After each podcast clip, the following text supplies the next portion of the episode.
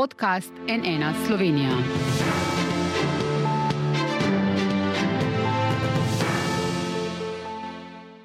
Dobr dan, to je NN studio. Kaj bi človeštvu prineslo, če bi jedli manj mesa, kot je nedavno tudi v Bruslju ponovil predsednik vlade Robert Golop? Naš današnji gost pravi, če se ne bomo po malem ničemur odrekli, bomo lahko prišli do točke, na kateri se bomo morali odreči vsemu. A kako bomo to dosegli, glede na to, da bi morali do leta 2050 za zadovoljitev vseh potreb pridelati dvakrat več hrane kot danes? Premijer je tudi za odgovore na ta vprašanja imenoval strateški svet za prehrano, a je sestava povzročila precej razburjenja. O vsem tem se bom danes pogovarjal z odličnim poznavalcem kmetijstva ter uporabe kmetijskih in drugih površin. Z nami je okoljski znanstvenik z Inštituta za okoljske študije na Univerzi Freie v Amsterdamu, dr. Žiga Malek. Dobr dan. Dobr dan. Torej, vi se z izjavo predsednika vlade, ki je spet dvignila precej prahu, strinjate. Zakaj? Uh, ja, strinjam se iz večjih razlogov. Uh, prvič, vsi podatki, kot prvo, vem, da je bilo precej čustvenih odzivov na, na to njegovo izjavo. In jaz sem bil precej presenečen, mislim, da je bil to prvi državnik, ki je si upal kaj tasga reči, ker pač nišče ne bi rekel, boste jedli manj nečesa, boste uživali manj v življenju. Ampak, če pogledamo, zakaj je potreba jesti manj mesa, imamo v bistvu neke tri razloge. Prvi je samo, če pogledamo prehrambeni razlog. Slovenci, evropejci nasploh, oziroma nasploh prebivalci nekega razvitega industrijskega sveta, pojemo preveč mesa. Zdaj, to se nisem jaz spomnil ali predsednik vlade. Če samo pogledamo naša lastna priporočila, bi mogli nekje letno pojesti pod 16 kg rdečega mesa. To so eh, nekakšne tveganja za, za zdravje, več kot 26 so resna tveganja. In potem pogledamo Slovenijo in vidimo, da poje poprečen slovenec med 42 in 57 kg rdečega mesa, torej 60 do 120 odstotkov preveč. Torej za naše zdravje se gre tukaj. Um, hkrati ima, vem, če pogledamo, 38% prebivalcev v Sloveniji prekomerno težo, 20% pa jih je predebelih in to je velik problem za naše zdravje, za zdravstveno blagajno.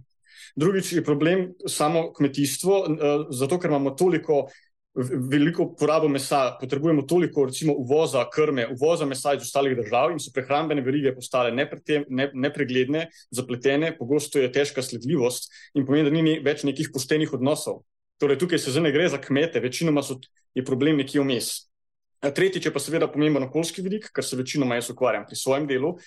In samo zaradi tega, kako mi se prehranjujemo, ljudje mislijo, da samo ne snežujemo z avtomobili, z termoelektrarnami in tako naprej, ampak nekje do 1950 je bila prehrana, torej spremembe rabe tal, kako uporabljamo naše površje, glavni vir topogrednih plinov.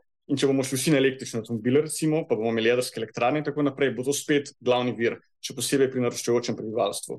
Pričemer tudi vemo, da smo v Evropi izgubili ogromno biotske raznovrstnosti, da smo močno onesnažili svoje tla, um, svoje vode. Recimo. Tako da praktično teh razlogov, zakaj moramo jesti manj mesa, je precej. Jaz, kot znanstvenik in moji kolegi, delamo precej na tem, da bi izboljšali učinkovitost, da bi uvedli nove tehnologije, ampak preprosto smo prišli do točke, ko to ni več možno in moramo pa sedaj delati na zmanjšanju porabe. Ne moremo samo izumljati nove in nove tehnologije, da bomo počistili to uh, uh, škodo, ki smo jo naredili, in izumljati nove tehnologije, da bomo poskrbeli za naše zdravje. Preprosto se je treba včasih nekomu nečemu odreči in tako to je, ta, tako govorijo dejstva. Poleti ste v intervjuju za NN rekli, če hočete imeti zagotovljen dostop do kave, čaja, kakava, banan po dostopni ceni, da bodo ljudje, ki to pridelujejo, primerno plačani, se bo treba delno odpovedati meso in vožnji z avtom. Zdaj, če se osredotočiva na meso, danes govoriva o tem, kaj pomeni delno odpovedati, če to prevedava v dneve v tednu, koliko krat na teden naj torej jemo meso. Ja, to je zdaj težko reči. Eno so zdravstvene smernice, in jaz ne bi šel pod to, ker moramo poskrbeti za svoje zdravje. In te smernice so, kakršne so. Uh, je pa zadeva zelo taka. Jaz sem naredil pri, v pripravah na ta najmen pogovor. Če bi v Sloveniji pojedel v povprečju vsak eno kilo govedine manj na leto, to je 2 milijona kilogramov, bi bilo to enako količina, bi, bi zmanjšala naše to, izpuste toplogrednih plinov, enako kot če omaknemo iz ceste slovenskih cest, praktično med 40 in 66 tisoč avtomobilov. Torej, to so ogromne količine. Uh, ne gre pa se tu samo za toplogredne pline, gre se za to, da uh, pri, uh, pridelava mesa potrebuje precej več vode. Recimo uh, uh, za pri, pri, pridelavo 1000 kalorij sira potrebujemo 1100 litrov vode, za pridelavo 1000 kalorij um, uh, mle, iz mleka tudi 1000 litrov vode, za govedino med 500 in 900, odvisno kakšen sistem, svinino tri, uh, 750, uh, pirotnino 350 in tako naprej. Potem pa, če pogledamo neke bolj rastlinske proizvode, recimo pšenica, samo 240 litrov, krompir 80 litrov, vidimo, da so precej velike razlike in da imamo lahko precej velik vpliv na to, kar uh, damo na naš krožnik. Uh, še precej bolj morda kot samo vožnjo, pa kako se ogrevamo uh, do neke mere. Uh, hkrati sem že omenil toplogredne pline, govedina ima recimo sedemkrat več izpustov kot uh, perotnina in svinina, 60krat več kot krompir in pšenica, to je na enoto, uh, na neko kalorično enoto. Potrebujemo pa tudi precej več prostora. In to je predvsem velik problem tudi za Slovenijo. Mi pogosto govorimo o samoskrbi, da smo samoskrbi na področju perutnine, da smo samoskrbi na področju svinine, čeprav še vedno vozimo 80 do 100 tisoč ton mesa. Ampak hkrati pa vozimo 280 tisoč ton krme iz ostalih držav EU, vozimo pa tudi iz Brazilije med 100-150 tisoč ton soje. To pomeni, da nismo samo skrbni, če je v vsakem kilogramu uh, slovenske perutnine 1,6 kg soje, če je v vsakem kilogramu svinine 0,6 kg soje iz Brazilije in če je v vsakem kilogramu govedine 0,4 kg, torej 400 g te brazilske soje.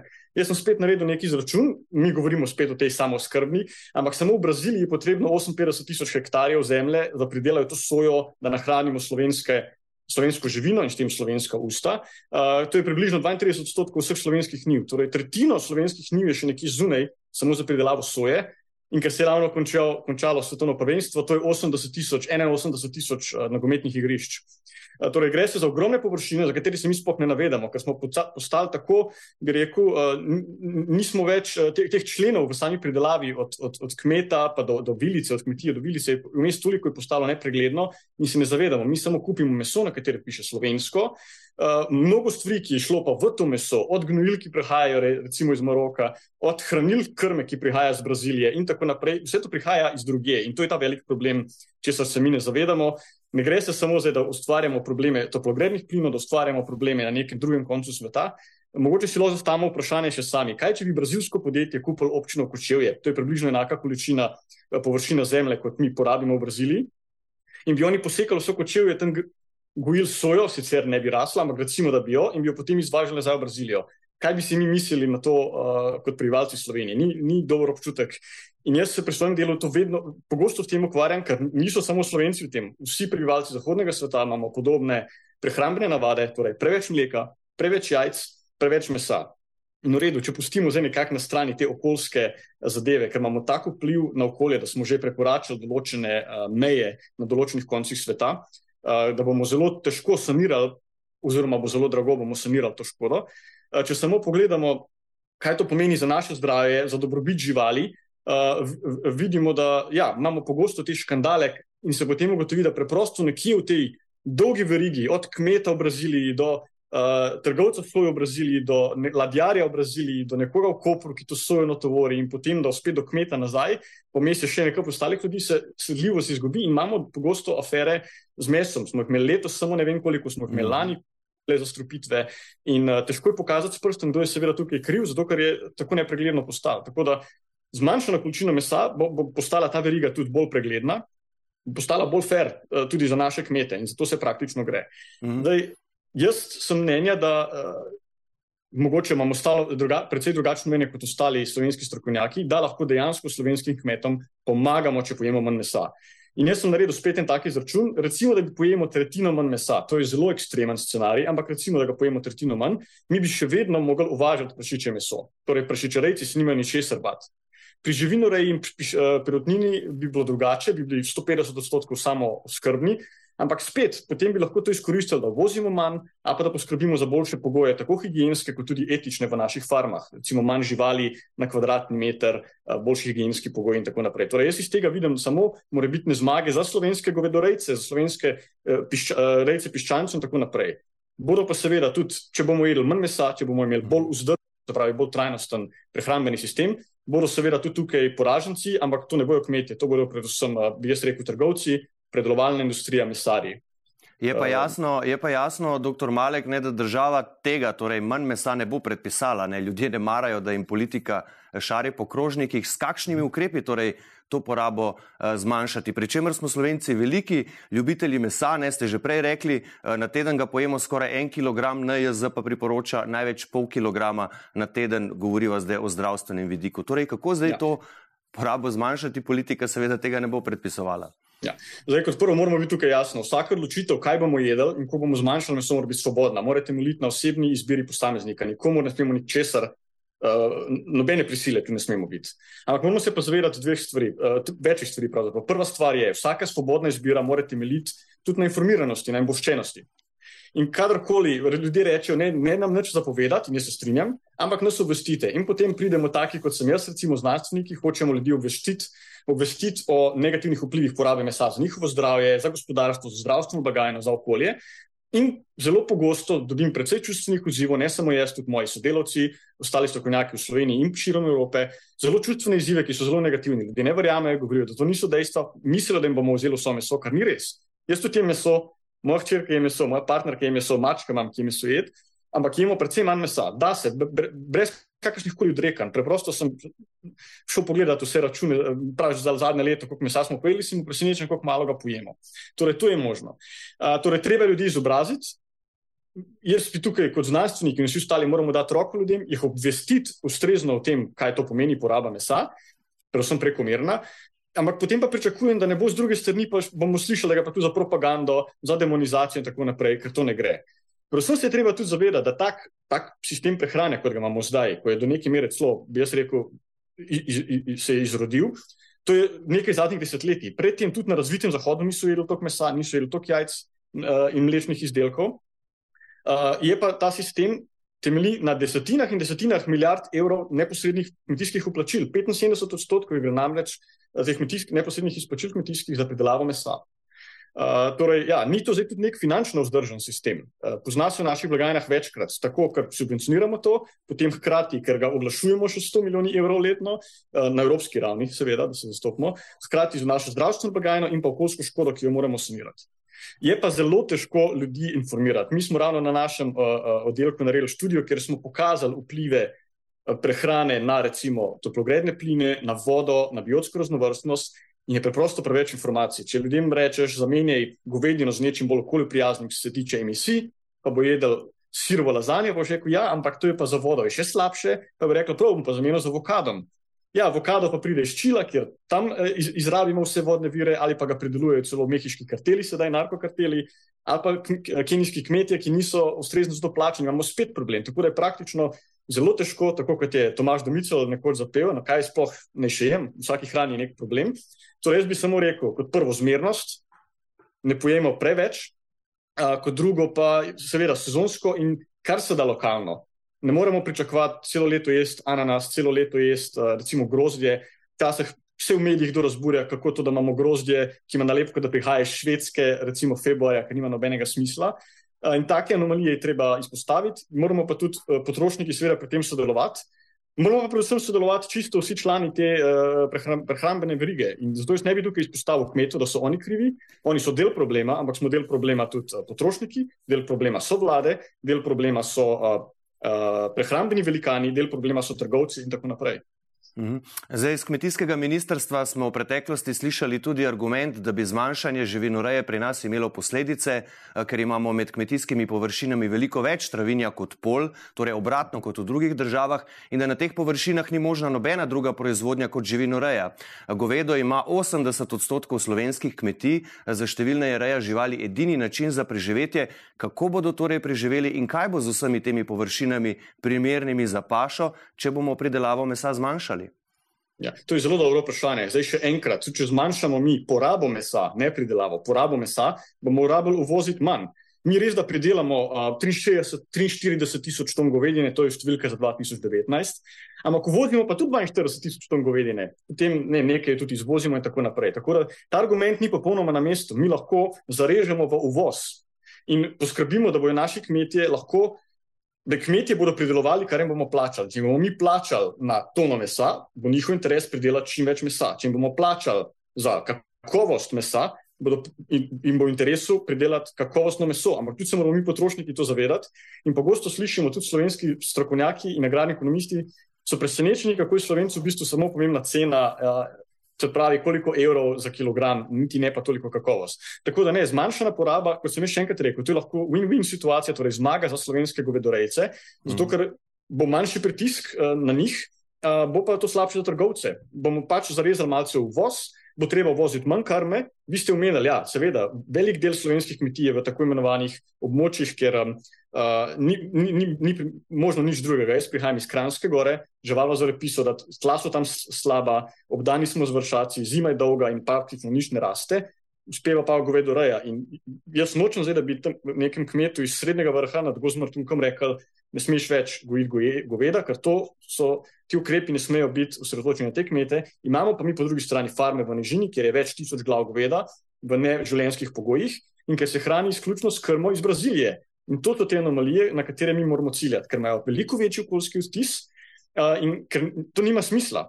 Zdaj, če dam en primer, kakšne so anomalije v našem prehrambenem sistemu naši uh, kriptomilionari, v kaj so vložili najprej denar, ko so prodali svoje deleže v tisti uh, kriptomenjalnici. Kupili so ogromno kmetijo v Srkljah na Gorenskem. To se samo vidi, kam je denar. In če pogledamo, kam so vložili denar tisti Nemci, ki so izropali Adrio Airways. Kupili so zemljo v Boliviji in sedaj gojijo govedo. In v bistvu je to zelo dobra prispodoba, ker tako govedoreja kot letalstvo in kriptovalute imajo zelo velik okoljski vtis, ampak to samo kaže, s kakšnimi igralci se tu srečujemo. Tako da še enkrat, jaz tukaj ne bi ciljil na kmete in pogosto ta interesna združenja, recimo prehrambena industrija, bo uporabljala kmete kot žrtve, v veliki meri pa temu ni tako. Torej, še zmeraj pravim, za slovenske kmete se lahko nič ne spremeni, kvečemo lahko izboljšamo njihove pogoje. Jaz si to želim, ker mi jih potrebujemo tudi za ohranjanje naše krajine, jih potrebujemo za pridelavo kakovostnih in tradicionalnih izdelkov, ki so del naše kulturne zavesti, uh, konec koncev. Ne potrebujemo pa teh masovnih uh, kmetij, masovnih farm, ki v bistvu proizvajajo samo poceni meso, včasih vprašljive kakovosti. Mhm. E, tudi količine zavržene hrane se zadnja leta povečujejo. Poprečen slovenec letno v smeti vrže kar 68 kg hrane, e, celotno človeštvo pa zavrže kar 30 odstotkov predelane hrane, kar je ogromno. E, po podatkih Svetovnega sklada za hrano je bila tržna vrednost vse zavržene hrane na svetu v letu 2021 ocenjena na okoli 8 bilijonov evrov in pol, okoljski, zdravstveni in ekonomski stroški, ki zaradi te hrane nastanejo, pa znašajo skoraj 19 bilijonov evrov. Če bi torej te količine zmanjšali, ali samo s tem problema ne bi bilo mogoče rešiti?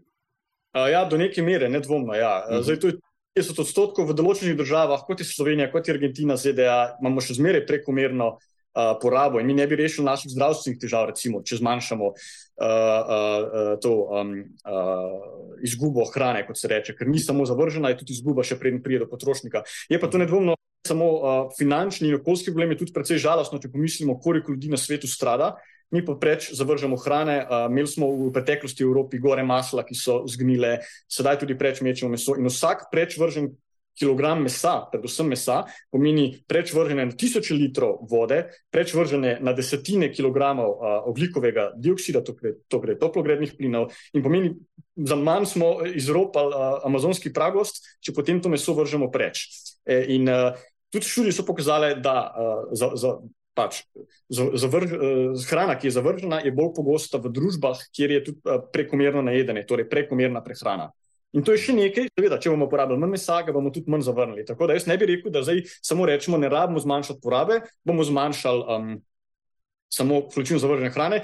Meni se zdi, da pogosto vsi iščemo eno rešitev, ki nas bo rešila vse. Ampak treba se bo lotiti številnih stvari. Treba bo zmanjšati porabo mesa, treba bo zmanjšati porabo zavržene hrane, idealno bi bila to nič, uh, treba bo izboljšati prehran, uh, prehrambeni sistem.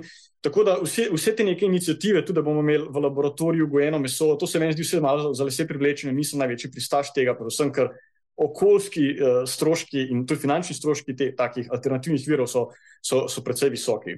Uh, tako da ja, nedvomno je uh, ja, prečvržena hrana še toliko večji mm. greh, temu celo lahko rekel.